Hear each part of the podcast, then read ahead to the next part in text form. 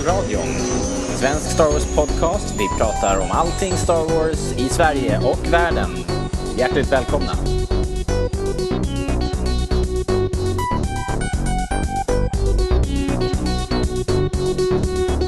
Välkomna till Rebellradion ska ni vara. Vi är en svensk Star Wars podcast. Inte på något sätt officiell och har ingenting med Lucasfilm eller Disney att göra. Vi är fans som älskar Star Wars helt enkelt. Och um, vi pratar om allting som har med Star Wars att göra. Det brukar kunna vara, eller ja, det är nyheter, det kan vara serier, böcker. Så om du gillar Star Wars, då är du på helt rätt ställe. Jag som pratar heter Robert och eh, med mig idag så har jag ett extraordinärt Star Wars-fan. Han har gjort en Star Wars-film som numera har över två miljoner views på Youtube. Rasmus, välkommen! Tack så mycket, tack så mycket. Vad bra att du kunde hoppa in på, på kort varsel och vara lite sommarvikarie här. Ja, precis lite. Härligt. Star Wars-snack i solen. Ja, det är väldigt bra att du är här också för det är mycket produktionsnyheter och så, så. Så det känns som att det är bra att ha en eh, indiefilmare här som kan reda ut de här rykten och begreppen åt oss här. Mm, absolut. Um, har du gjort något Star Wars-hit på sistone? Eh, nej, eh, faktiskt inte. eh, det har inte varit så mycket Star Wars sen eh, vi släppte Threads of Destiny där i februari. Utan eh, det har väl mest varit att jag har följt eh, den och sett hur den har spritt sig och levt sitt eget liv nu på, på Youtube. Och Mm. eh, det är hur kul som helst liksom att den har nått så pass många människor som den har. Eh, jag får ju nästan dagligen mail från folk liksom som uttrycker vad de tycker om filmen på gott och ont. Ja, vi kanske ska bara en short recap. Eh, Det handlar om en fanfilm som du har gjort som heter Threads of Destiny. Och den, man kan se den på Youtube i Precis. sin helhet nu och den har ju som sagt eh, jag, jag såg att den hade 2,2 miljoner drygt views. Det är ju helt otroligt. Det stämmer, det stämmer. Ja. Eh, men den har ju också gått upp såg jag på, på biografer lite här och där. Eller ja, det stämmer. Det var någon i Eh, Sydamerika. Någon i Sydamerika eh, och den visades ungefär en månad efter eh, Youtube-premiär. Men sen så var det även en liten loppmarknad som visade filmen nu förra helgen. Så att, I Sverige? Ja, i Sverige, precis. Coolt. Ja. Härligt. Det, alla, alla borde titta, titta lite grann på den tycker jag. Så har ni inte redan gjort det så leta rätt på Threads of Destiny. ja. Yes. Men du, ska vi prata lite Star Wars-nyheter? Det har ju hänt eh, ganska mycket. Vi, vi har inte gjort någon podd på sen före midsommar någon gång och det har hänt rätt mycket sen dess. Så att eh, vi kör igång nyheterna på en gång. Det gör vi.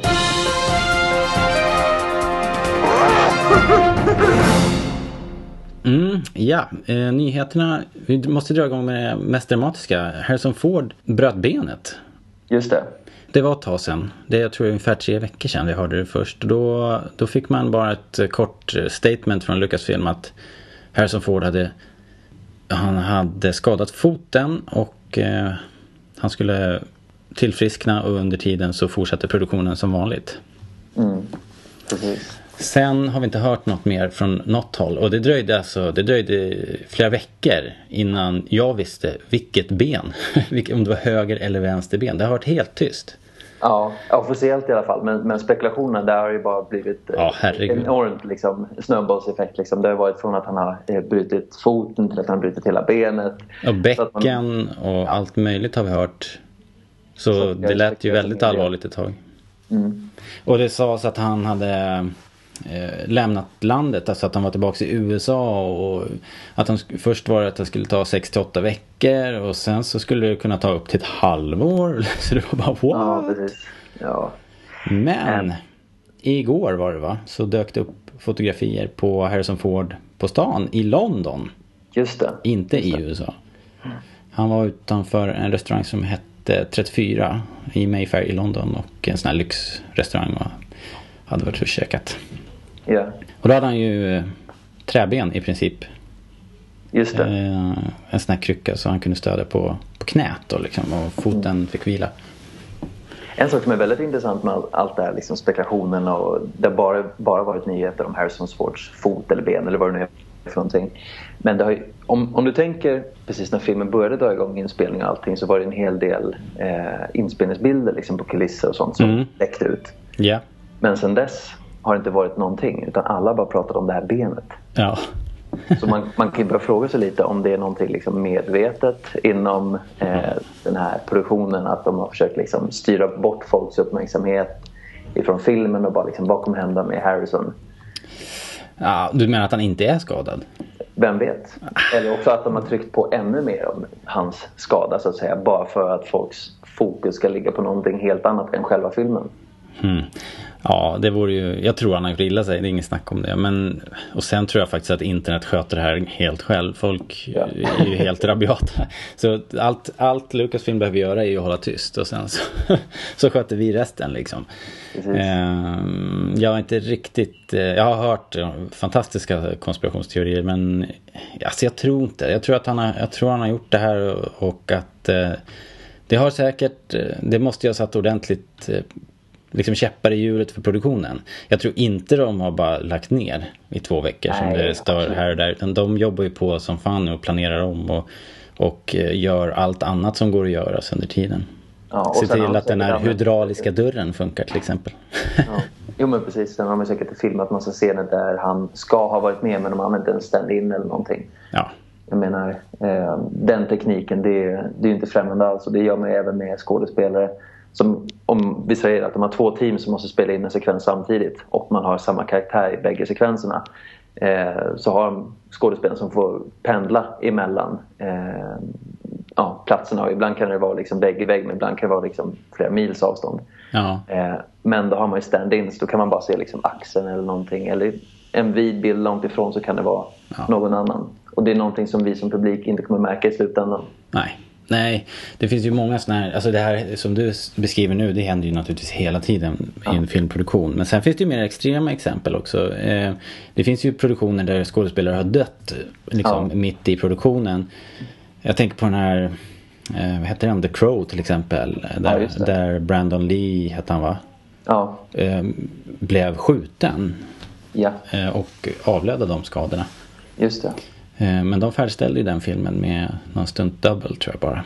Ja, precis. Och den har ju verkligen fått kultstatus sedan dess. Ja, ja såklart. Mm. Eh, Men det är, inte, det är inte en helt o, oäven film hur som helst. Men, Nej. men den eh, Samma fick, sak fick en med- massa konstig press förstås. Samma sak med Gladiator också där han, Oliver Reed, dog. Han som spelar Proximo, den här gladiator. Ah, just det. Just det.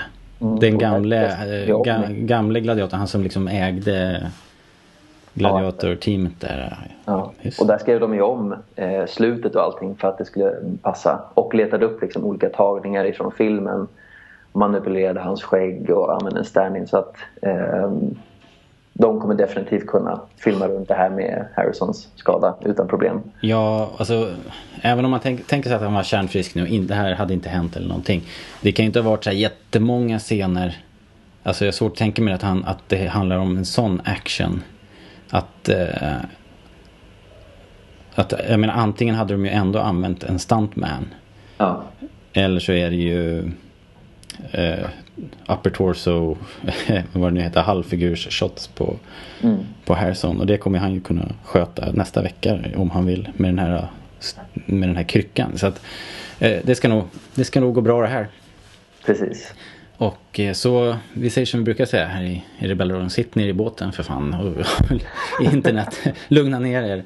Ja. Det kommer gå bra. Eh, Man får ju hoppas att, eh, det är ju knivigt. Om man har gjort illa bäcknet, för det kan ju hända om man ramlar. Man kan ju, han är ju trots allt 71, snart 72. Han fyller här när som helst. Eh, Så eh, kan man ju smälla till det och göra illa sig.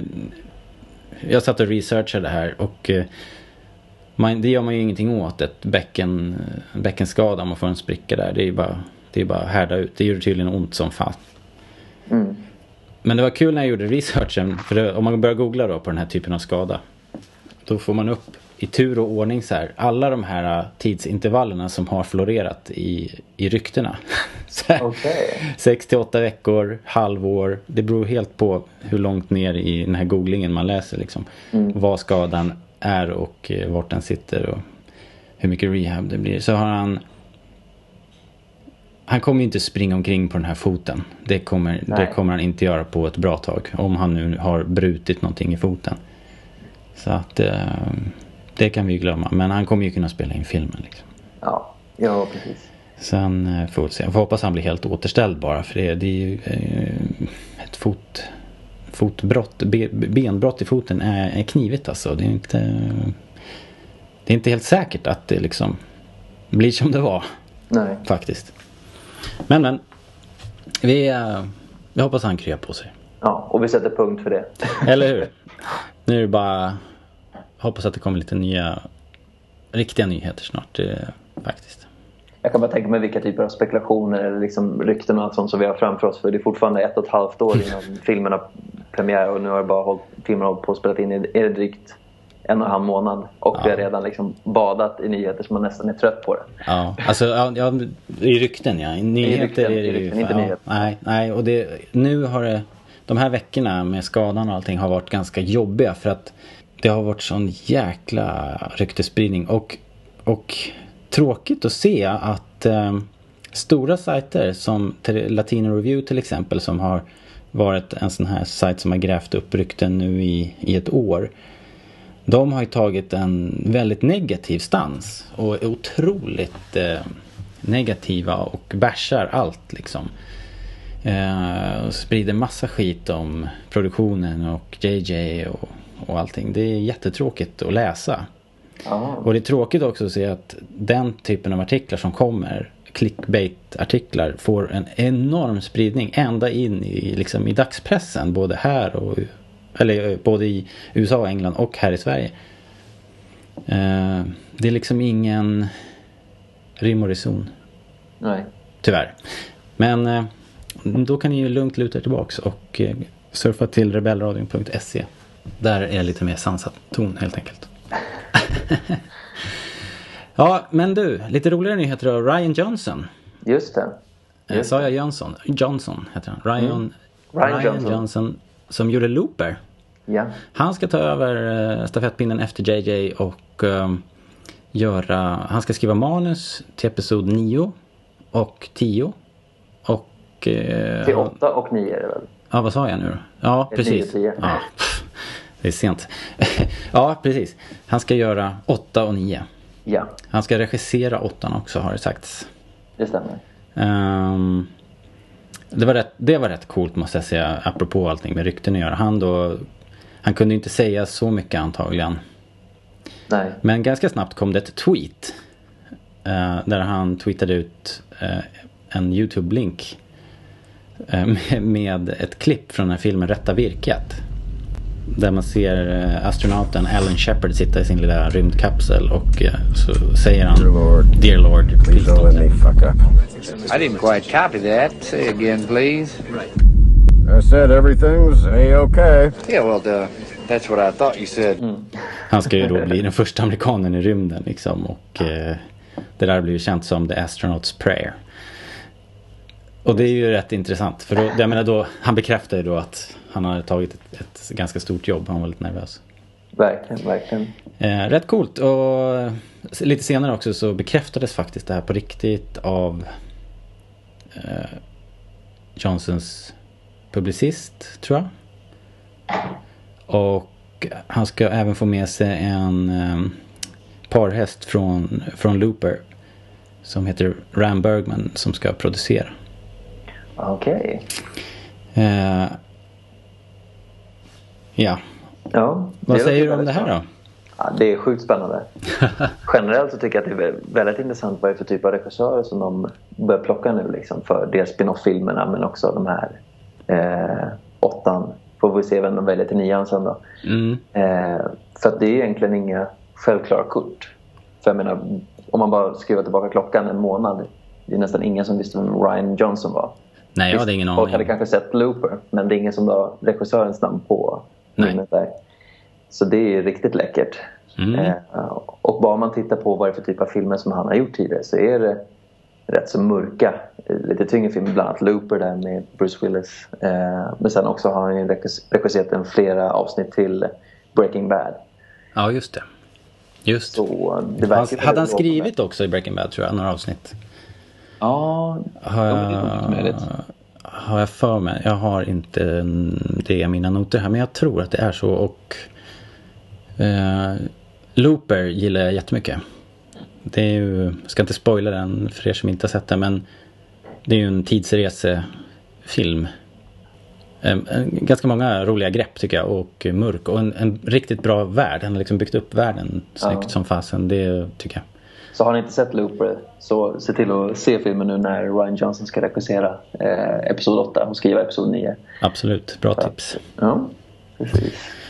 Um, ja, men jag tycker också det är kul att de tar lite eh, up and coming, lite eh, spännande regissörer som man inte, alltså det, det är väl ingen som vill se ja, några gamla stötar utan, utan man vill ju ha mm, några som kan överraska helt enkelt. Den enda gamla stöten som jag nästan skulle vilja se det är ju en, en Spielberg, Star Wars. Ja, skulle du vilja det verkligen? Ja, ja, kanske. Jag tror att det skulle vara utmärkande liksom på sitt sätt. Han skulle säkert kunna göra sin grej utav det. Men eh, ja, jag tänker också på det här med att de tar in en, en ny regissör och inte låter JJ göra 8-9 också. Eh, tycker jag bara är bra. Eh, det kommer nog göra så att varje film får sin egen eh, stil och det kommer kännas fräscht och intressant. Mm. För, för jag menar just det här med att det är en regissör som gör alla filmerna i en trilogi någonting. Det är ju en avvikelse. Det är ju liksom, Det är inte så vanligt, nej. nej precis. Nej. Eh, och man kan ju se liksom, det är både på gott och ont. Vi kan bara titta på Sagan om ringen-trilogin som hade Pete, Peter Jackson på eh, ettan, tvåan, trean där. Mm. Och de filmerna liksom funkar jättebra. Men Hobbit-filmerna som också är regisserade av Peter, ah, funkar inte riktigt lika bra. Nej, nej. Så här efterhand så hade man ju verkligen önskat att eh, Guillermo del Toro hade varit kvar faktiskt. Precis, eh, det känns, ja, jag kunde knappt se den här del två av Hobbiten och jag, jag har verkligen ingen lust att se slutet faktiskt. Nej. Så illa är det. Men, eh, men det är jag. Eh, det här att JJ inte blir kvar heller. Det var väl kanske lite överraskande. Eh, men, men när man tänker efter så är det inte så konstigt. Han, han tackade ju nej först. Och det var väl med viss vånda han tog det här beslutet tror jag. Flytta familjen och, och allting till England. Och han är känd som en eh, riktig sån här hemma... hemmakille. Han vill vara hemma. Och det tar ju rätt mycket tid att göra en sån här film. Det är ju flera år som är dedikerade då. Just det. Och, ehm, så det kanske inte är så konstigt. Men frågan är om han kommer ligga kvar och, och vara producent eller executive producer på... Jag tror säkert att han kommer att ha eh, fingrarna med i spelet. Eh, om han inte har det redan nu. likt Manusmöten till exempel med, med Johnson. Eh, det är nog inte helt främmande för att Johnson han börjar ju säkert skriva på manuset redan nu. Och eh, då har ju de båda en väldigt tät kommunikation tror jag. Mm. Eftersom att även fast manuset är färdigt till Episod 7 och JJ håller på att spela in det nu så kommer det ju vara att manuset och historien till Episod 7 kommer ju ändra sig och det är saker som Johnson behöver ha koll på. Just det. Så jag tror att de har haft väldigt tät kommunikation redan. Ja. Jepp. Eh, ja, kul. Jättekul. Mm, Eh, verkligen.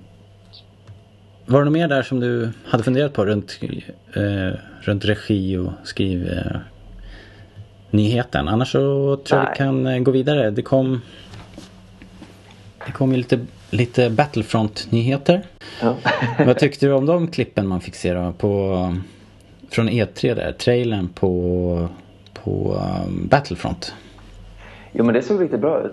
Ja det ser häftigt ut Det tror jag. Ja. Otroligt uh, filmiskt liksom ja. Ex, extremt coolt hur de hade fått till eh, den här scenerna på Hoth och på, framförallt tyckte jag i, eh, skogen på, på Endor. Att det var jäkligt bra fartkänsla. Och sen det som jag tänkte mest på var nästan de här rökpuffarna som blev när laserskotten träffade skogen. ja, just det. Det var så här vit rök som puffade upp i ett litet svampmoln. Jäkligt snyggt. Verkligen. Ehm, När det spelet ska släppas? Eh, de sa ingenting. De sa bara att det skulle komma mer nyheter eh, till våren. Okej. Så de, och sen så har de ju, det, det är nästan det mest intressanta tycker jag att, att Electronic Arts har en ny vd och, och verkar ha taggat ner och de säger nu liksom att det är viktigare att spelet blir bra än att det får en deadline. Mm. Vilket är ju jag såg också något sån här att nu är det player first liksom. Förut har de ju varit, fått otroligt mycket skit för att de eh, bara trycker ut produkter som inte är klara och eh, fuckar upp franchises som har varit älskade länge och sådär. Ja. Så det är väl bra. Det låter, ju- det låter som att de faktiskt har ändrat, att, bytt attityd. Liksom. Det är väl bra. ja, definitivt. Sen tror jag också att det kommer vara att ehm, det kommer nog dyka upp ännu fler spel liksom, till Star Wars. När väl bollen är i rullning där eh, slutet av 2015 Ja. och framåt. Eh, då tror jag nog det kommer nästan vara att vi kommer bada i Star Wars på ett eller annat sätt. Det är Ja. det man behöver se liksom som fördelen eh, och nackdelen med att Disney har köpt upp Star Wars. För att det betyder att vi kommer få mer Star Wars. Men det är också det som är nackdelen. Det kommer bli mer Star Wars tills vi kräks på det. ja, ja, man får nog eh, som konsument nu får man lov att börja välja mera. Eh, På riktigt. Det har vi ju alltid gjort eh, i och för sig. Men nu tror jag att eh, eftersom det kommer komma på bred front verkligen för alla åldrar och, eh, och så. Så kommer man ju kanske mer att, att få välja. Och det kan ju till och med vara så att eh, det kanske kommer en barnvänlig Star Wars-film och sen så kommer en vuxen Star Wars liksom som är mycket råare och kanske mer blod eller hur man nu väljer att göra. Just eftersom att Disney, Disney har ju den approachen att det finns liksom väldigt barninriktat, Ja. mer tonårs, eh, unga vuxna och sen inriktat. Så vi kommer säkert få allting. Ja, precis. Ja, precis. Det skulle säkert kunna komma sådana spin-offs som, eh, som, som vi såg förr också med Ewok-filmen och det där. Det, det kommer säkert liknande saker framöver. Ja, jag har inte sett Ewok-filmerna. Inte jag heller faktiskt. Jag, jag har letat efter dem lite grann sådär. Ja, jag har På dem. begagnad Eh, marknad. Du har jag dem? På, dem- yes, på DVD. Ah, okej. Yes. Då ska jag låna dem av dig. Det får du göra. Jag har inte sett dem, men får låna dem. Ja, vi får väl ta någon sittning då kanske. Eller hur? Eh, det var också en grej jag tänkte på. Apropå de här spin-off-filmerna och allting. De, de har ju sagt att de ska ta Marvel-konceptet liksom. Ja. Börja bygga en värld och, och det ska komma spin-offer och sådär. Men det vi har hört nu är ju inte alls det för att det, det är ju inte linjärt. Nej. För i Marvel-universet är det väl ändå liksom allting sker ju helt linjärt. Om, alltså, om man ser filmerna i en viss, viss ordning, eller det är egentligen den ordning de släpps, så är det ju inga Ja. tidshopp fram och tillbaks. Nej, fast det vet vi ju inte om det kommer vara nu heller. Ja, o, men det lär det ju bli om de ska göra de här spin-offerna som, de, som det ryktas liksom. För att Boba Fett-filmen kan ju inte rimligen vara, ja, Om det nu blir en Boba Fett-film, är det också? ja, nej det är inte helt officiellt. Nej. Nej, Men det- jag tror att det mycket väl kan till exempel vara som, om vi bara tittar på Marvel-filmerna. Det var det ju Iron Man 1, 2, eh, sen så kom väl Thor och Ja. Captain America och sen kom Avengers. Ja. Och sen kom Iron Man 3 och liksom 2, 3. Så jag tror mycket väl att det kan vara den strukturen som de kommer Mm. eh, använda sig utav. Att det kan vara någon karaktär liksom, som det bara hintas om i eh, Episod 7. Liksom, får en egen film eh, och sen så fortsätter kanske den historien. ja. För alla kommer ju se filmerna. Det kommer inte vara så att eh, någon eh, skippar och ser liksom, den här Nej. filmen vid sidan av. Nej, det tror inte jag heller. Men, men de har pratat om det hela tiden. Det är det som är i så fall lite oroväckande. Att de, de har ju ända sedan Kathleen Kennedy sa, ju- sa det från direkt att vi kollar på de här eh, ja, varumärkena i princip som, jag menar, som Darth Vader och Yoda och Boba Fett är. Just det. Och jag har svårt att säga att, att eh, Disney ska kunna hålla fingrarna borta där. Men vi får väl se helt enkelt. Det kanske kommer längre fram. Ja, precis. Vi får se. Spännande i alla fall. Eh, ja, vi pratade om det här spelet. Det är inte så mycket mer att säga om Battlefront. Eh, egentligen. Faktiskt. Nej, inte än så länge. Eh, nej. En, men roligare här tycker jag då var att eh, det kom nyheter om att Clone Wars liksom postumt får Daytime Emmys igen. De har fått två stycken de fick för Outstanding Individual Achievement in Animation. Eh, det här är alltså Emmys är det, är ju det högsta, det är det största tv-priset. Just det. Och Daytime Emmy det är alltså för ja, för program som, som går på, på dagarna. Alltså ofta barnprogram och så. Eh, då var det för avsnittet To Catch a Jedi som de fick för, för animationen och sen baserade, eh, belönas hela serien för eh, ja, Best of Show liksom. Outstanding Special Class Animated Program. Ah. För säsong 5 då. Och det är ju det är härligt att se den, eh, att den får den här uppskattningen som den så väl förtjänar. Även Har du sett om- hela serien? eh, Oh ja. Mm. Hur tycker du det blir? Liksom, är liksom säsong 5 den bästa? Eller, Eh, säsong 5 slutar otroligt starkt. Men sen kom det ju också en halv säsong 6. På, som man kan se nu på Netflix, på amerikanska Netflix. Som vi håller på och recenserar här på Rebellradion för övrigt. Det har ju gått ut nu tre sp- specialprogram där jag och Hanna dissekerar säsong 6. Ah. Så där kan ni lyssna. Men gör det efter att ni har sett avsnitten då. För vi spoilar ju hejvilt naturligtvis. Eh, men otroligt starkt slut på den här tv-serien. Som började kanske lite knackigt och visste inte riktigt vad serien skulle vara. Och det är väl någonting som den kanske har dragits med hela tiden. Att den är lite, lite fladdrig.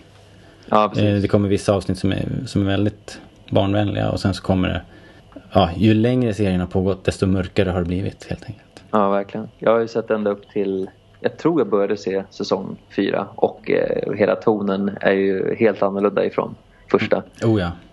Och det blir mer som en större kontinuerlig historia istället för som sagt små episoder som det var i säsong 1. Ja, där var det mycket mera liksom veckans skurk. Och de liksom fightades med, med Grievous återigen liksom. Och så smet Grievous iväg precis i slutet. Och sen så började de om igen. Som om ingenting hade hänt nästa vecka. Ja, Men eh, ju längre serien gick desto... Och från säsong fyra så är det mer linjärt också och en större... Eh, ja, precis som du säger att man för hela storyn och karaktärerna får lite mer utveckling också. Så jag kan verkligen rekommendera säsong fem om du har, om du har sett fyran. mm, jag ska se till att kolla klart på det nu. Japp.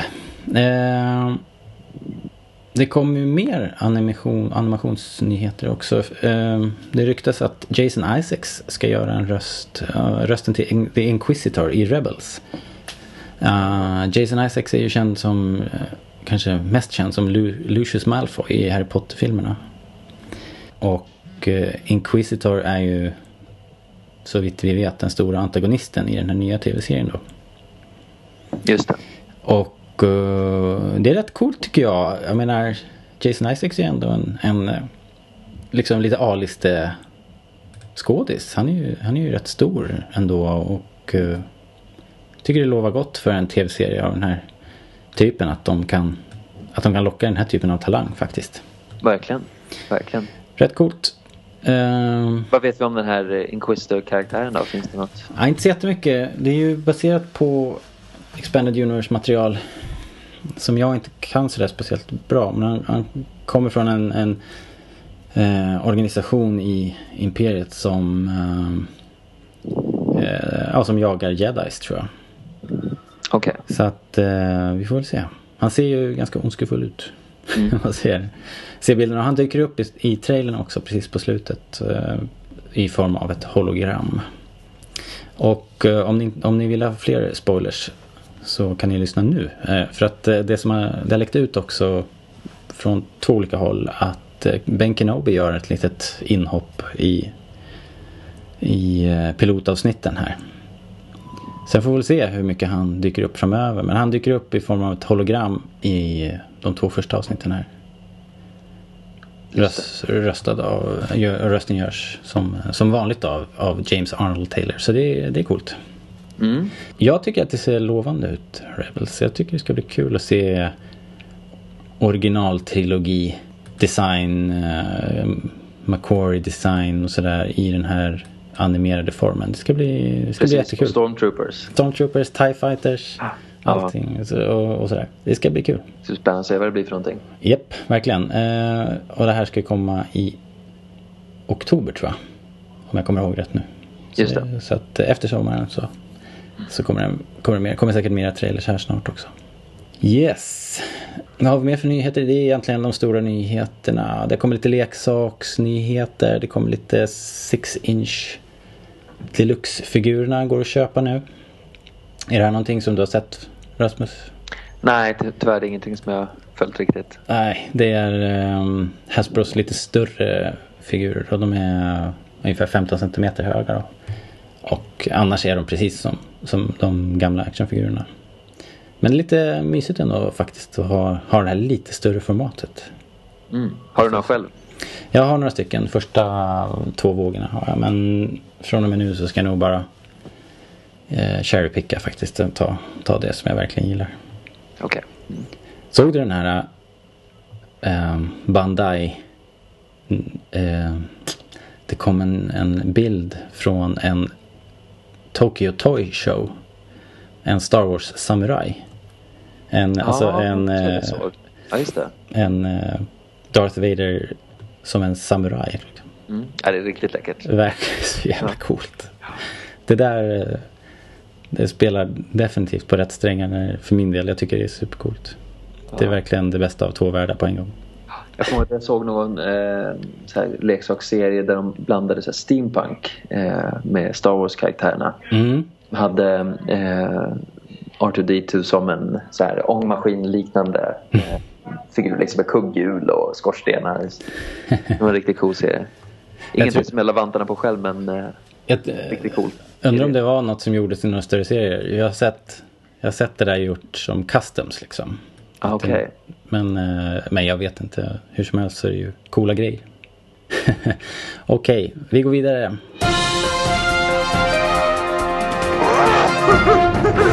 Vi, vi har varit ute på roadtrip till Tidaholm. Peter och jag åkte ner till eh, May the Force Be With You-utställningen på Tidaholms museum. Och eh, där, väl där så mötte vi museiintendent Hanna Eklöf. Och hon hade samlat ihop Star Wars-fantasterna Stefan Berg, Rickard Bromander och Alexander Johansson. Och de här tre äger då huvud, huvuddelen av de prylarna som är utställda där. Alltså, det är, det är en helt fantastisk och helt osannolik Star Wars-händelse i Sverige faktiskt. Uh, så här, improbable. Jag, jag kommer att tänka på den här... Har du sett den här eh, Robert Chicken-sketchen där Luke och Darth Vader står och pratar på Bespin? Ja just det. Så här, uh, Leia is your sister. That's improbable. Eh, alltså, det, jag, blir, alltså jag blir full i skratt när jag tänker på det, det här. För det är lite absurt. Det, Tidaholm är en fantastiskt fin, vacker plats mitt i Sverige mellan sjöarna. Och, eh, och där har då Hanna och de här samlarna satt ihop en, eh, en fantastisk Star Wars-utställning mitt, eh, mitt i Sverige. Vet du någonting om om det har varit någon slags genomslagskraft liksom och folkfärd mot Tidaholm då? Eller? De säger att det har varit välbesökt. Ah, vad roligt. Det är jättekul. Och eh, ni ska få höra. Vi spelade in lite grann. Eh, Hanna var tvungen att avvika just när vi var där. Så att hon hörs inte så mycket i det här lilla reportaget. Men jag vill verkligen, verkligen sända ut ett stort, stort tack till henne. För att vi fick ett sånt eh, mottagande som vi fick på museet i Tidaholm. Och eh, så fick vi en grand tour av utställarna då, Stefan, Rickard och Alexander. Och det lät så här. Nu är vi här på Tidaholms eh, museum och Star Wars-utställningen May the Force Be With You. Och med oss då så har vi utställarna, ni som har samlat ihop alla grejer till utställningen. För, ni får pre- presentera er. Stefan heter jag. Alexander Johansson. Och Rickard Bromander. Och från museet har vi, Hanna Eklöf. just det. Okej, och eh, direkt man kommer in i museet här så möts man direkt av eh, jättestora Hildebrand-målningar och eh, döds, dödsstjärneliknande paneler och, och grejer. Ja, Dödsstjärneliknande skulle jag inte säga. Jag skulle säga att det är dead on. Ja, jo, ja just det. De, de dyker ju upp lite grann överallt där Imperiet dyker upp. Precis. Det är kul att det händer saker lite, att det blinkar och liksom att man ser Ja. att det är lite levande så liksom. Ja, Så att det inte bara är en platt vägg utan att det, ja, det händer någonting. Alltså, första frågan måste nästan vara, hur, hur kom ni på, hur, hur blev det här till?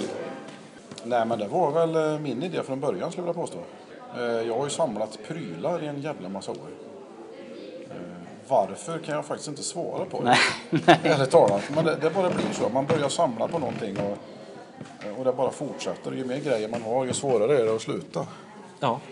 Man är liksom fast i det där Ebay-sökandet. Har du en speciell inriktning då eller? Ja, Star Wars. Alltså, Men är det, är det som för mig då, som allt bara det står Star Wars på det så är det liksom... Alltså bara det står Star Wars på det så liksom. vill man ha det. Men sen inser man ju att det finns en begränsning i plånboken och då måste man börja välja lite. Ja. Och då är frågan om man ska ha tio billiga gubbar eller en dyr gubbe. Ja. Och på eh, ålderns höst så har det väl blivit så att man eh, hellre köper en fin pjäs lite mer sällan än att köpa de här vanliga Kenner-figurerna. Så det är inte vintage Kenner utan det är, du köper statyetter, liksom Ja, det är my- Ja, premium-grejer. mycket sideshow är det nu Ja. alltså. Det är det som hägrar. Och jag samlar mig på vintage Kenner mer som en egentligen som en... eh, Jag vill ha barndomens leksaker om man säger så. Att Jag är ju den Star Wars leksaksgenerationen som lekte med alla prylar när man var liten och så lekte man sönder det mesta. Och när det var dags för mig att flytta hemifrån så hittade jag mina gamla Star Wars-leksaker och de var ju demolerade det mesta. Ja.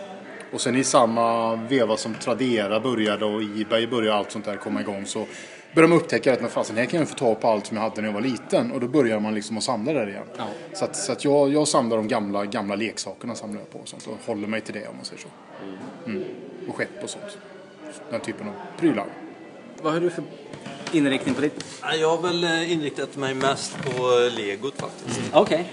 Så att det, det var väl en barndomsgrej också liksom.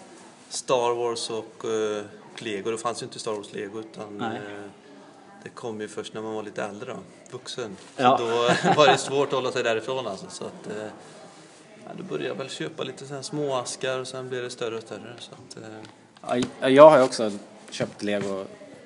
Men nu är det lite dyrt. Så jag har fått eh, lägga ner det lite grann. Ehm, och så har det kommit så jäkla mycket. Men det är 15-årsjubileum nu, såg jag. ja, precis. Just det. Ja, Håller du på och köper fortfarande allt som kommer eller? Har du också Nej. fått välja lite? Nej, det gör jag inte. Utan det mesta utav det jag har köpte jag väl eh, ja, i början där, vad kan ha varit? 2001 och några år framåt då. Men eh, ja, nu har jag en, eh, egna barn också då, så då, nu kan man ursäkta sig med att köpa lite mera prylar igen då. Så nu har man börjat komma igång, men det är samtidigt, ja, det är som du säger, det går inte att köpa allt liksom. Det, det kommer ju så himla mycket, man vill ju gärna vilja ha allt, men eh, Men gör du likadant då? Att du köper hellre en jättepjäs nu då? Bara för att tillfredsställa och bygga på samlingen istället för att köpa de här 150 kronors kitten? Ja, fast det ska ju helst vara lekbart för min son också då, Ja, som, som är han som är mest intresserad av. Så att, eh, det, det blir mycket små grejer också som han gärna vill ha, men då, då blir det, det ja.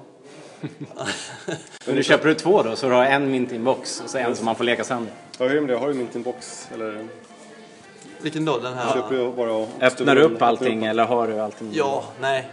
Jag öppnar upp det. Ja, ja men det är bra. Man måste ju leka med det. Känns som det är sunt. Ja. Ja. Nej men faktiskt, faktiskt så, så har jag restaurerat eh, en del som har legat nere för det är ju svårt att liksom ha plats för det hemma.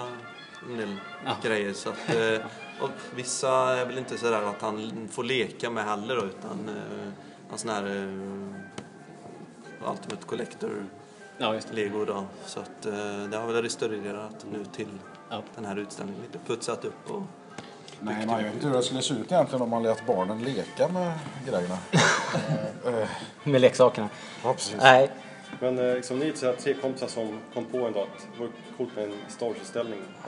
Nej, alltså vi känner ju inte varandra sedan tidigare utan det är ju den här utställningen som har gjort det, fört oss samman om man säger så. Ja, eller att vi tvingades att umgås med varandra. Ja, Ja, man kan ju vända och vrida på det. jobbigt. Men, eh, men ni bor allihopa här kring Tidaholm då? Ja, Ja, jag bor i Falköping, säg att det är sex mil. eh, radio typ. Okej, jag är den enda Tidaholmaren här. Ja. Okej. Den enda äkta Tidaholm. Ja, precis. Varför blev det Tidaholm som nappade på idén sen?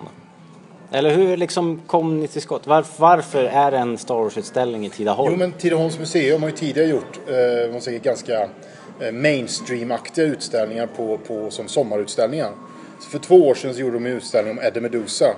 För att han eh, kom ju härifrån. Så att den, den blev ju väldigt framgångsrik. Han den bodde i alla fall här. Ja, han bo- bodde här under långt under sin ungdomstid och sånt. Och året, förra året så gjordes det en utställning om 80-tal. Alltså 80-talet och musik och mode och allting som hade Okej. med 80-talet att göra. Och, och då var det liksom, då blev det ytterligare en, man säger, sommarutställning och då, då blev det just Star Wars. Ja, ja. Framförallt så vågar de ju satsa på att bygga utställningar och inte köper in färdiga. Nej. Och eh, våga satsa på lite eh, udda grejer för ett museum. Det är inte så jävla vanligt att man har Star Wars eller en Medusa på ett museum. Nej. Utan... eh, Så det, det, ska, det ska till Roms museum ha en jäkla cred för att de vågar liksom göra sådana grejer som kanske i museikretsar inte anses som riktigt rumsrena. För att det blir för kommersiellt att göra Star Wars liksom. Star Wars på ett museum, hur kan, hur kan man göra så liksom? Det känns lite grann så som att det är mer liksom credit att göra en utställning om, ja men du vet vad som helst. Ja. ja, Sen är, det, sen är det naturligtvis ganska naturligt att ha Star Wars efter ett Medusa. För kopplingen... Ja, alltså kopplingen är ju då att eh, Eddie Medusa och Darth Vader är ju båda döda. Så att Ja, just det. koppling. Solklar koppling. Just det. Men Eddie Meduza, var han liksom ju- på ljusa eller mörka sidan? Ja, nu vet man ju inte.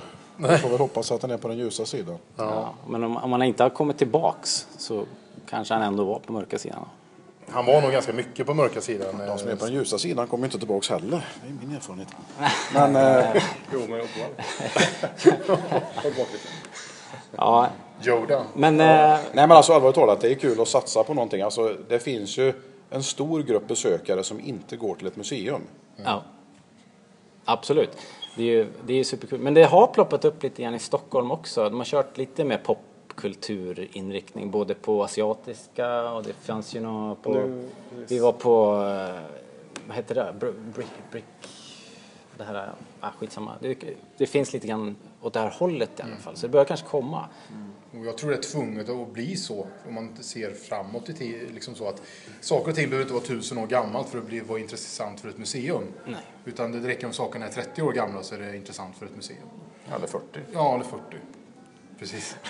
Nu har inte vi gått igenom här och kollat än, men det, har det gjorts någon, någon eh, teknikkoppling eller har museet eh, propsat på att det måste finnas någon annan, eh, liksom, eh, något annat värde än bara samlingarna som sådana? Det är väl klart att för att kunna göra en sån här utställning och få pengar för att bygga den så måste man hitta någon sorts koppling. Och den kan ju vara mer eller mindre svajig naturligtvis. Vad har de gjort här då? Man har väl gjort någon form av koppling mellan eh, eh, teknik och Star Wars. Ja, Som kanske som sagt inte är så jätte självklar. Men Nej, men de har gjort det vad de kallar för robotlab. ja Det är alltså att uh, ungarna får komma hit och, och bygga såna här legorobotar och såna grejer och sånt. Va? all right. Och, eh, och göra den då. Så de har väl ändå den kopplingen på något sätt då. Ja. Som du kan bygga. Kopplingen är väl... eh, Hur är den till Tidaholm egentligen? Det skulle Hanna svara på egentligen. Ja, men det är väl det att Tidaholm är väl kända för teknik och sånt och, och det har väl varit mycket fabriksgrejer och sånt och då kan man väl dra den, den kopplingen till liksom Star Wars med teknik och robotar och, och liksom skepp och allt sånt där. Stans teknikhistoria liksom. På något sätt. All right. Okej. Alla de här grejerna som, som kommer se, det är från era samlingar eller har de köpt in? Eller är det... vi har ju även en del fina pjäser från eh, två killar från Stockholm. Micke Askenäs och eh, Anton Nilsson. Som ju bygger egna saker. Det är ju häftigt. Mm. Micke har ju till exempel byggt eh, en R2D2 som är helt fantastisk att se. Okej. Med inbyggd dator och han åker och han eh, pratar och spelar musik. Och... Och den finns ju med i utställningen så att Ja, men vi tar en titt helt Ja, enkelt. Vi går en sväng. Och det är väl kanske det som är svårare när man gör en utställning också, att få hela liksom, inramningen på rätt sätt. Det är ju lätt bara att ställa ut några montrar och visa lite leksaker men du ska ju ändå få en liten en upplevelse när du, när du kommer in i lokalen. Ja. Ja, men det... Om man säger så. Det är, alltid, det är alltid kul att man kan göra mer för de pengarna som man har fått att arbeta med. Och det tycker jag faktiskt att de här herrarna som har snickrat här har lyckats med. Därför att eh, om Nordiska museet skulle göra en utställning och de har en budget på 15 miljoner, då tror fan att det blir bra.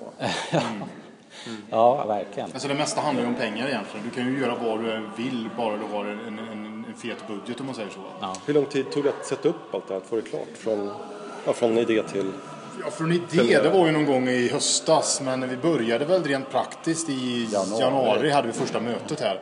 Och då var alltså hela lokalen tom här mer eller mindre, så vi hade ett bord där borta där vi satt och hade mötet. Och sen hade vi massa idéer och tankar och mycket fick vi skrota för att det var inte, det var inte genomförbart. Men en del grejer då funkade att göra och de liksom spann vi vidare på Okej. och började jobba med. Så att vi hade första mötet i januari och sen eh, hade vi premiären då 25 maj. Naturligtvis, 25 maj. Hur, hur hittade de er då, från museets sida? Eller, eller var det ni som... Ja, ni, men ni hade ju inte träffats innan så... Hur, hur, det kan man säga. du drog igång det här kontakten? Ja, vi kan väl säga att eh, vi har ju ett tätt samarbete med museet sedan tidigare. Okej. säga. Eh, jag Via var- Eddie jag var- Meduza? Ja, precis. Jag var involverad i Eddie Meduza eftersom jag gjorde den filmen då. Jaha, aha. Så att, eh, Vi klipper fram. ja. Jag hörde om en kille eh, som hade köpt en plywoodskiva från hans hus med en Eddie Meduza-autograf på. Ja Var det du? Nej, det var inte jag. Nej, Jag vet vem det var. Ja, du ser. Det var numret. Nej, Nej, jag, jag, Nej, men alltså om vi nu återgår till det här. Det är naturligtvis så att man kan ju...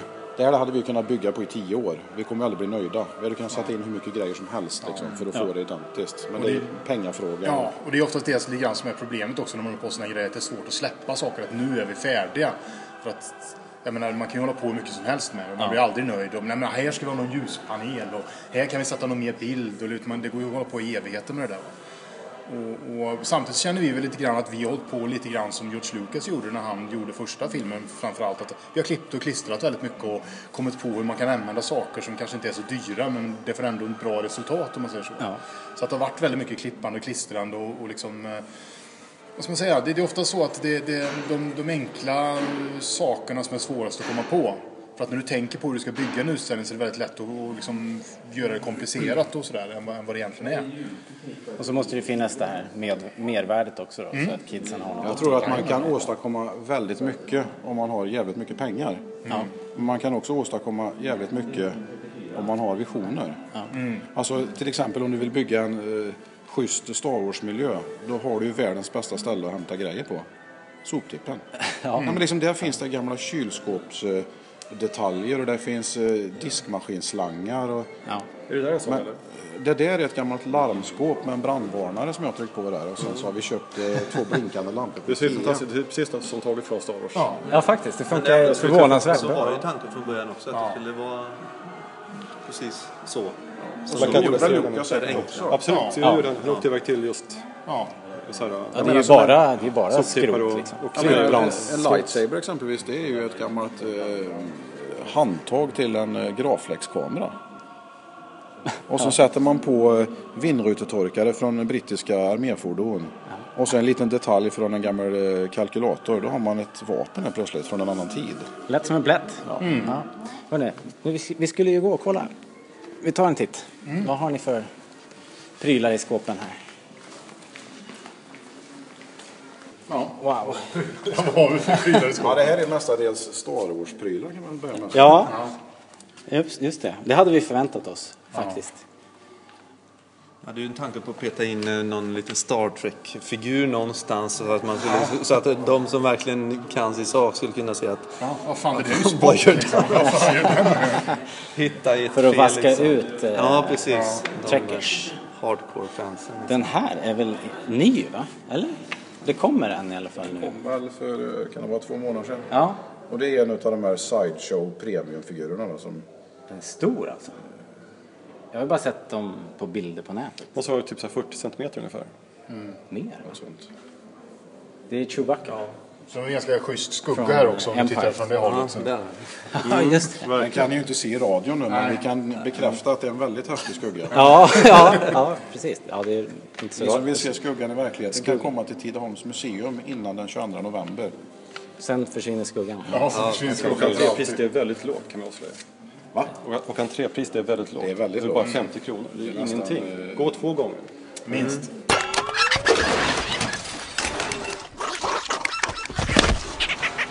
Är det en radiostyrd den här R5? Den där är faktiskt eh, sån så att man kan prata med den och så gör den vissa saker. Okej. Jag har inte provat det fullt ut. Även om jag hade gjort det så jag inte erkänna heller. Jo, man måste använda grejerna.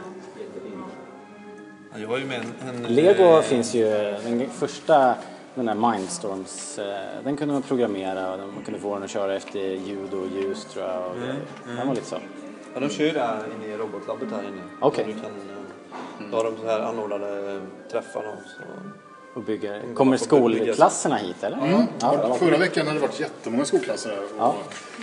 Hållit på och byggt och jag menar ungar är ju helt galna där. Men det, är så, Ja, det, går, det, går inte, det går inte att få det fel liksom. Det, det är ju givet att ungarna älskar Star Wars. Så att, Hur, eh, hur har responsen varit generellt sett? jättebra respons. Varifrån kommer besökarna?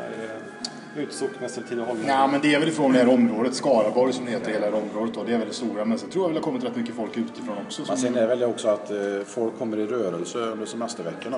Det är då man märker. Nu tror jag att det är en dödperiod liksom. ja, Innan det drar igång. Sen om folk har vägarna förbi nu så, eller kanske rent av åker hit särskilt för detta.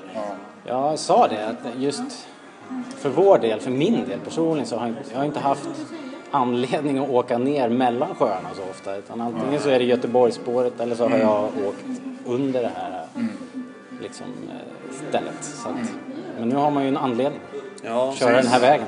precis. Ytterligare en anledning. Det finns säkert många. precis.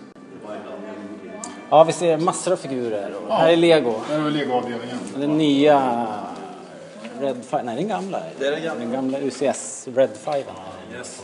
Här Ja, har, det är ju, det som är lite roligt att det är just här har ju Rickard också kommit med initiativet att vi kan ju inte ha riktig is eller snö i montrarna. Det är Nej, ju just det. inte praktiskt genomförbart. Så du har en annan lösning på det. Kan du berätta om det lite?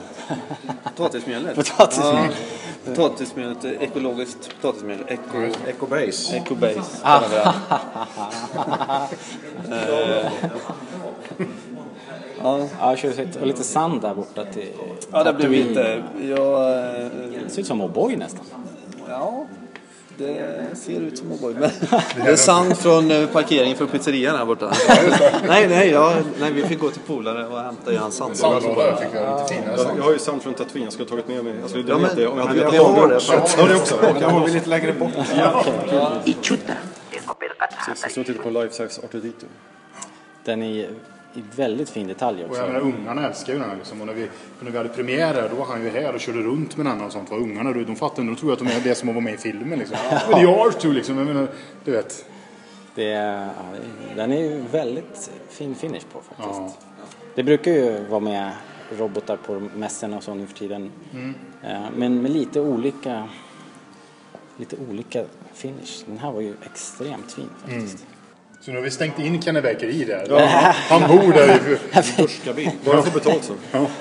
Men sen har vi försökt vara lite innovativa på en annan nivå här. Här har vi till exempel eh, tagit fram en riktig jedi-krigare här. Just det. Vi fick tag på någon Med skägg. gammal... eh, Ja, det är faktiskt Svinto som vi har. Är det Han har svin... Om man klubbar så där Svinto. så blir det lite mer. Ja, just det. Ja, men det är också en del av det här kreativa, liksom. ta det vi har. Ta det man har. Så att, eh, Gör det bästa möjliga av ja, det. så det, jag tycker det är... Man ifrågasätter inte ens skärpet egentligen, utan det, det funkar också. Absolut. Det är en tjusig Obi-Wan här med robes. Ja. Kan man säga. Vem har gjort den här då? Är det museet själva som har några kontakter eller ni satt er hemma och sytt? Nej, det är faktiskt jag som har bidragit med den där. Okej. Det var en eh, tant ute i urskogen som hade ett tyg som såg väldigt bra ut. Ja, ja verkligen. Och sen eh, brann det i en lokal klädaffär här så fick vi en eh, brandskadad docka här. Som, Okej. man ser ju inte att han är brandskadad. Stackars Obi. Det funkar ju det med. Det funkar jättebra. Man tager vad man har. Ja, härligt. Det är samma där nere har ni den panelen där. Det är byggt av gamla köttfärstråg, eh, duschslangar och eh, CD-spindlar där. Coolt. Ja, det funkar ju förvånansvärt bra alltså. Vad är era favoritgrejer här nu då? Om ni måste välja någonting. Vad vart ni mest nöjd med Jag är mest nöjd med att det här fick bli av här. överhuvudtaget? Ja, jag Det, förstår det det. liksom, de som bor i en sån här liten stad de förväntar sig aldrig att det ska hända något sånt här. Nej. Inte, inte det här ämnet liksom. Det är ju helt förbjudet och helt fel och helt omöjligt. Det är för, faktiskt. för stort. Ja, det tycker jag är Mm, På coolt. något sätt. Och just att det, det är ett sånt... eh, Totalt oväntat. Ja, men det är totalt oväntat och det är ett sånt stort ämne. Och i en liten stad. För det, det förväntar man sig inte utan man förväntar sig att Stockholm, Göteborg, Malmö, där gör man en sån här grej. På något stort flashigt museum liksom, då, då gör man det här. Men att lilla Tidaholm får en sån här utställning, det, det, det är nog ingen som har förväntat sig. Har ni någon koll på besökarantalet hittills? Ingen aning. Ingen aning, men det har varit väldigt mycket folk har det varit alltså. Det... Och här måste väl ändå vara deras största... I och för sig, Ed Medusa kan jag tänka mig också är en stor grej. Men det måste Ja, vara men det är det ju en naturligtvis. Succé, Men, kanske. ja, ja, visst det är det så. Så känns det lite grann när man gör Star Wars så känns det lite grann som att det kan inte bli fel. Alltså, det, det är en, ett ämne som riktar sig till sån bred publik. Och jag menar som ungarna, jag, menar, jag var här förra lördagen, och kommer en unge springande igång med det. Titta pappa, R2D2 liksom. Och bara kuta fram till den här liksom, du vet, och tittar. Och, Ja, det är ju- det så många generationer nu som Ja. har vuxit upp med det här. Vad verkar besöka, vad verkar de tycka är roligast då? Om de, kan man märka det? Finns det någonting som är... Ja, men jag tror att det finns någonting för alla. Jag tror, jag menar, många gillar ju det här med Lego Star Wars och den biten har jag ju missat helt och hållet. Men det förstår man att det är många barn som är väldigt intresserade av. Eh, Den biten då. Men sen är det ju många då som, jag menar det är mycket nostalgiskt för folk naturligtvis då. Jag menar för många som har växt upp med alla de här leksakerna och allting och som, som kanske inte har sett grejerna sen de var små om man säger så.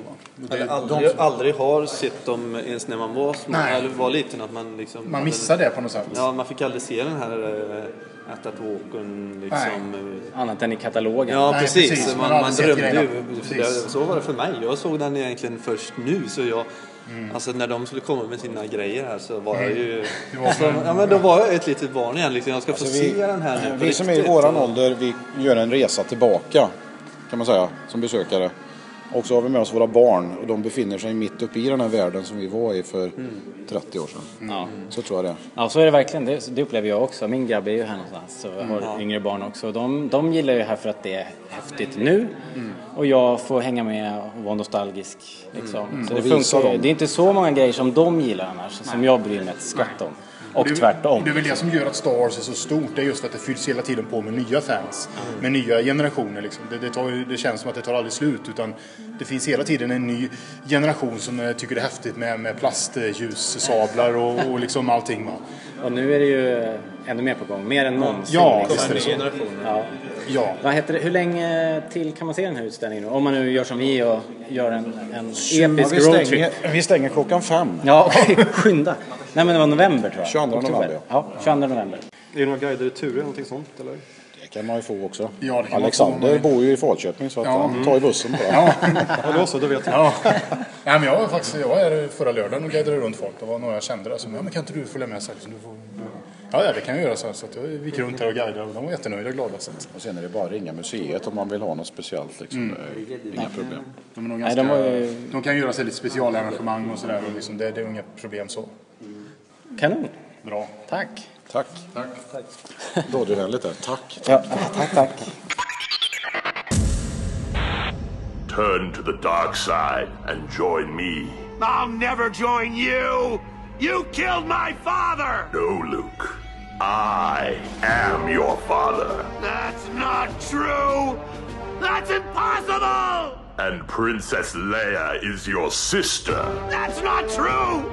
That's improbable! And the Empire will be defeated by Ewoks. That's very unlikely. And as a child, I built C-3PO. Huh? And the Force? Well, that's just microscopic bacteria in your bloodstream called midichlorians. Look, if you're not going to take this seriously, I'm out. Eh, ja, det var det, det. Tack ska ni ha, Stefan, Alexander, Rickard och Hanna på Tidaholms museum. Eh, det är en superfin utställning och eh, alla som åker eller passerar Tidaholm eh, borde besöka den här. Det är väl värt en omväg i sommarsverige. Och eh, det ligger som sagt mellan Vänern och Vättern i Tidaholm och eh, pågår hela hösten fram till slutet av november. Spännande. Ja, faktiskt jättefint. Och, eh, och som sagt, eh, stort tack. Vad skulle du vilja säga var highlighten? Det som jag gillade mest var... Eh, det fanns en monter med eh, eh, Star Wars-produkter. Eh, som är ja, den här typen av udda prylar. Frukostflingor och underkläder och, och liksom såna där grejer från Så du bara kastade över hela den hyllan? ja, men, men grejen är att det var, det var väldigt mycket och det är väl ingenting som, jag menar jag är ju inte, jag är inte den normala konsumenten. Jag har, jag har ju sett väldigt, väldigt mycket av det här i någon form eh, av utställning förut. Det måste jag ju säga. Det är väldigt mycket leksaker från 80-talet och sånt. Eh, som jag själv samlar på lite grann och har sett på diverse mässor och utställningar förut. Men det var väldigt fint eh, utställt i Tidaholm. De har verkligen eh, skapat en trevlig miljö att gå omkring i och njuta av de här sakerna. Och det är en fin blandning av, av både konst och eh, väldigt påkostade eh, prylar som är fanbyggda men även saker som är genuina film eh, filmrekvisita och eh, ingenting som jag var använt eh, i filmen tror jag men, men repliker i alla fall. Dyra repliker ska jag tillägga. Läckert. Då måste jag Eh. nästan tillägga, eh, ungefär för, ja det måste vara nästan exakt 14 år sedan så var jag i London och tittade på den här utställningen som heter The Art of Star Wars. Mhm. Och där hade de eh, genuina modeller, kostymer och eh, rekvisita från filmer. Och det var riktigt, riktigt läckert att se liksom. Eh, Ja. Det var back in the days när man hade eh, fotokameror liksom med en film.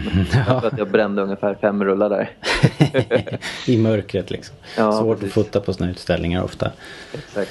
Men eh, ja, det kommer, titta på bloggen också. Vi kommer ha lite bilder och, och grejer så får ni se hur det ser ut. Ehm, väl värt ett besök. Yes. So you think you've seen the whole of the Star Wars legend on video? Well, think again.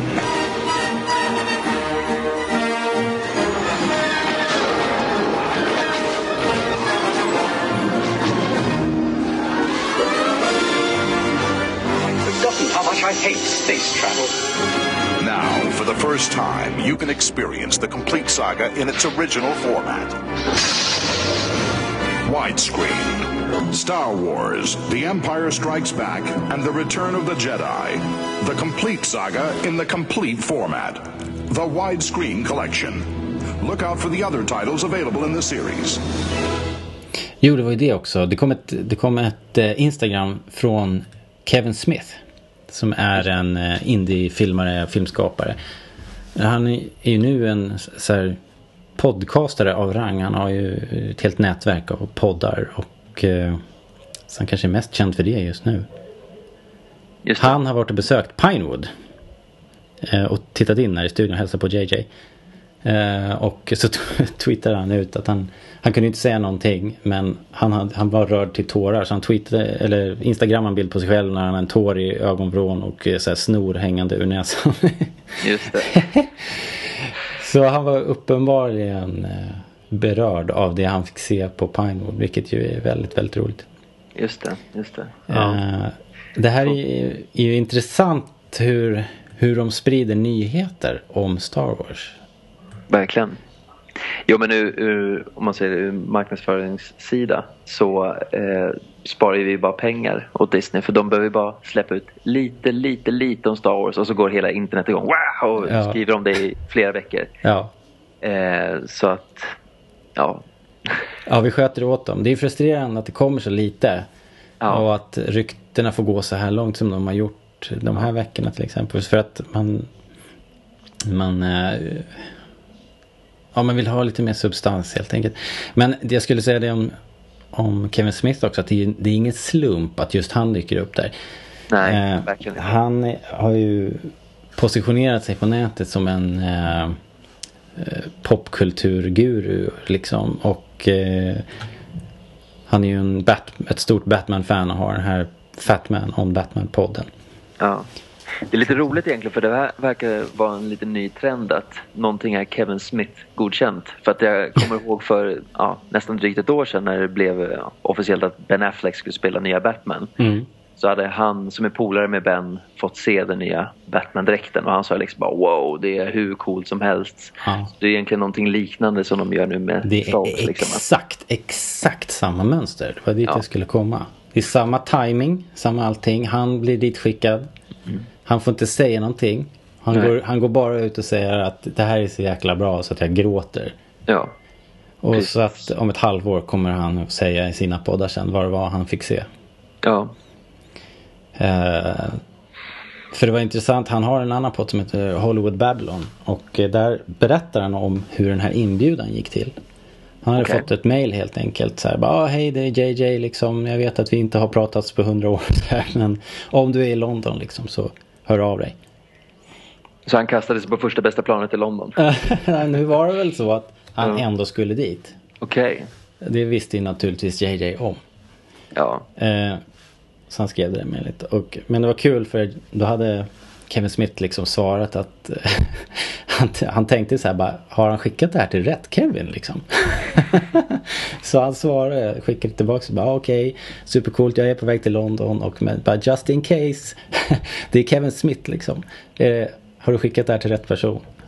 Och då svarade JJ bara, oh fuck. Eh, vilket ju var väldigt roligt. Men eh, det var ju såklart helt, allting är planerat in i minsta detalj. Oh ja. Oh ja. Ah. Fascinerande och frustrerande. Verkligen. Vi får väl se, så att säga. Det är om det. Mm. Det är om det. Eh, hörru, ska vi prata lite rykten kanske också? Vi brukar ju inte gräva ner oss allt för mycket. Ni har ju hört vad vi, vad vi tycker om de flesta ryktena. Men om vi ska välja ut två som kanske har lite mera, eh, lite mer substans. Så skulle jag vilja nämna i alla fall ett eh, rykte om Gina Davis. Det kom ett tweet från JJ, eh, eller om det var Bad Robot-kontot eh, var det väl. Där de tackade Gina Davis för att hon hade varit där och föreläst om alltså könsneutralitet och, och så i filmer. Hon jobbar för någon organisation som jobbar med det här att försöka få Hollywood att fatta att eh, man måste kanske börja se över hur man, hur man eh, skriver filmerna och rollbesätter dem för att eh, få lite bättre balans. Just det. Eh, och sen är det ingenting som är bekräftat eller någonting. Men efter att det här hände så, så fick vi också två tjejer i, i, när de castade Gwendolyn Christie och Lupita Nyong'o. Så frågan är om hon kanske tände ett litet ljus där. Och att de tänkte till och kanske skrev om någon karaktär då. Bytte, bytte kön på någon karaktär helt enkelt. Man kan tycka... Ja, eller hur? Man, man, kan, man kan tänka att du kommenterade det där på Facebook tror jag. Eller om det var till mig privat. Men du har ju erfarenhet av att skriva den här typen av manus och historier. Det, Mm. det är rätt lätt att Ja, fastna, något fastna i en mall. Ja, precis. På något sätt så blir det att man, eftersom att jag är man så skriver jag eh, utifrån ett mansperspektiv och om det dyker upp sidokaraktärer så tenderar det att bli män. Och eh, det kan ibland vara utifrån ett speciellt syfte eller också inget syfte alls liksom. Eh, och det kan jag bara erfara från eh, filmen som jag har arbetat med på just nu som heter Vilsen. Eh, där det var en skådespelerska som eh, läste manuset till den och påpekade men den här karaktären, det finns det ingenting som säger att det inte kan vara en kvinna istället. Och eh, när hon sa det så gick det upp till så här, ja men just det, varför är det här en kille? Ja. Det kan lika gärna vara en tjej. Och när vi gjorde den ändringen så var det flera saker som det öppnades många fler möjligheter än eh, när vi hade det som en kille. Intressant. Det är Ja. superintressant. Ja, för att diskussionen på nätet är ju ganska upplyst nu. Det är, de flesta tycker att de flesta efterfrågar, det är i alla fall väldigt många, jag kan inte säga om det är de flesta, men, men de flesta jag lyssnar på på nätet och umgås med på nätet i sociala medier, så här, de efterfrågar det här. De vill att det ska börja hända saker på den här fronten. Och då är det intressant tycker jag att man hör att, att personer som Gina Davis åker runt i Hollywood och eh, föreläser om det här. Och man kan ju tänka sig att, att det, då, då kanske JJ liksom tänker ett varv till. Just det. Och sen vet jag ju att eh, Kathleen Kennedy eh, också är, är vaken. Och, eh, så jag tror att hon... Det är, det är säkert hon som har sett till att eh, Gina, Gina Davis dyker upp där. Det är ju ingen slump liksom. Eh, så, att, så förhoppningsvis så börjar det hända saker. Mm. Det jag är väldigt eh, exalterad över det är liksom att se vad det är för typ av kick-ass karaktär som hon Gwendolyn kommer att spela i. Eller hur? Ja. Spännande. Jag, jag menar hon kommer inte vara en liten prinsessa liksom någonstans utan Nej, det känns som att hon är där för att kicka ass. Såg du slutet på, eh, på Game of Thrones? Eller? ja självklart. ja. Det var Vi ska inte spoila den här om det är någon som inte har sett den. Men, Men det är en episk strid där får man säga. Och, eh, ja, jag- det, var, det var hårresande. Bra Bland de bästa fighterna i hela säsong 4. Ja, kanske i filmhistorien. Vem vet. Men, Fantastiskt. Ja, eh, bra jobbat i alla fall. Folk, krea, både kreatörer och, och folk på nätet tycker ju... Alltså när, när jag får mothugg för de här, för när jag skriver såna här saker på bloggen att, att det måste vara mera balans och att vi behöver flera tjejer och sådär. Så säger folk oftast liksom att ah, det är väl skitsamma, liksom, bara en bra story. Men då är det ju, skulle jag vilja påstå att då är det en man som skriver det. Som kanske inte har eh, helt enkelt satt sig in i eh, hur, eh, hur tjejer måste uppfatta det här. precis. Jag kan inte påstå att jag har tänkt någonting på det här förr. Men, eh, men jag har en dotter nu och då, då är det viktigt. Man vill att hon ska få bra och roliga filmer och bra förebilder och roliga förebilder. Så då, då är det viktigt. Ja, exakt. Det är samma sak för mig som också har en dotter. Hon har ändå inte börjat kolla på film och så eller läsa nämnvärt mycket men det blir definitivt liksom andra värderingar som man ser, får liksom, man ser ju saker på ett helt annat sätt Japp, så är det verkligen. Och det är ju på tiden. Det är ju... Ja, det är helt otroligt att det har, eh, att det har rullat på som det har gjort så här länge faktiskt. Mm. Väldigt intressant att höra dig tycker jag också att, att du liksom säger bara ja men den här kan vi ändra och så blir det mycket bättre dessutom. Mm. Ja, men precis. Och eh, jag tycker man bara ska se eh, möjligheter i liksom, beslut. Och ibland kan det nästan vara tvärtom, att man har en kvinnlig karaktär som man byter om till en manlig. Eh, jag menar, fortfarande, definitivt ska det fortfarande vara i huvudfokus med eh, en story. Mm. Vad, liksom, vad tjänar historien bäst? Och om det blir så att vi gör historien mycket bättre att göra ett könsbyte, Ja, go for it. precis. Men det är ju just det jag tror att om man får om man får bättre, en bättre mix av karaktärer så blir det, då blir det ju en naturligare värld. Liksom. Man kan inte ha ett helt eh, Star Wars-universum till exempel befolkat av bara vit, vita män. Liksom. Det, det blir väldigt konstigt. Så eh, Ett annat väldigt eh, känt liksom, så klassiskt könsbyte inom film är ju Ripley i Alien-filmerna. ja, precis. Det var ju... Ja, det blev ju extremt bra också. Ja, precis. Och det är också sådana här saker att om man visste hur det egentligen skulle ha varit då tänker man så här, nej men jag vill ha det som det, som det är nu, inte hur det var tänkt förut. Ja. Och det är exakt samma sak med det här med eh, film. Nu för tiden så har vi en mycket större insyn i filmskapandet och, eh, än vad det var tidigare. Så det är därför liksom som hela den här debatten ens börjar bubbla upp till ytan. Eh, det finns en mängd beslut som vi inte får ta del av och de enda få sakerna som vi kanske får en hint om att det kan bli så här eller så där istället. Mm. Eh, de försöker man liksom ja, höja till skyarna eller vad man ska säga. Men nu är det också en rakare kommunikation. Nu kan ju vi ju tweeta direkt till JJ Abrams. Exakt, exakt. Ja, I princip. Och, och när de gör då något knasigt beslut och går ut med ett pressmeddelande. Ja, då får de veta det direkt. Exakt. Första exakt. timmen så, så får de ju veta exakt vad, de, vad folk tycker. Och det är ju det är en stor skillnad mot hur det var på Mm. 70-talet naturligtvis. Mm. Kul. Eh, ett annat rykte som jag tänkte vi skulle nämna var att eh, en tjej som heter Billy Lord eh, ryktas ha fått eh, en liten roll. Det är ju kanske mest intressant för att hon är Carrie Fishers dotter. Eh, hon är 21 år gammal och det är enligt The Guardian och lite annan gammelmedia i England som de här eh, nyheterna eller ryktena då, för de är inte bekräftade på något sätt, kommer. Ehm, och så spekulerar man ju då, är det här, ska hon då vara en ung Leia Organa? Det, ja, Mm. så skulle det väl kunna vara. Kanske. Kanske, kanske. Eh, då skulle det i så fall röra sig om tillbakablickar och sådär. Ja, och det är ju ändå någonting som Star Wars aldrig har arbetat med tidigare, liksom flashbacks. Mm, nej. Det talar väl emot den teorin då i så fall. Ja. Det är nog Ehm, inte omöjligt att hon dyker upp på ett eller annat sätt. Liksom. Eh, men eh, vi får väl se om det är en bärande roll eller inte.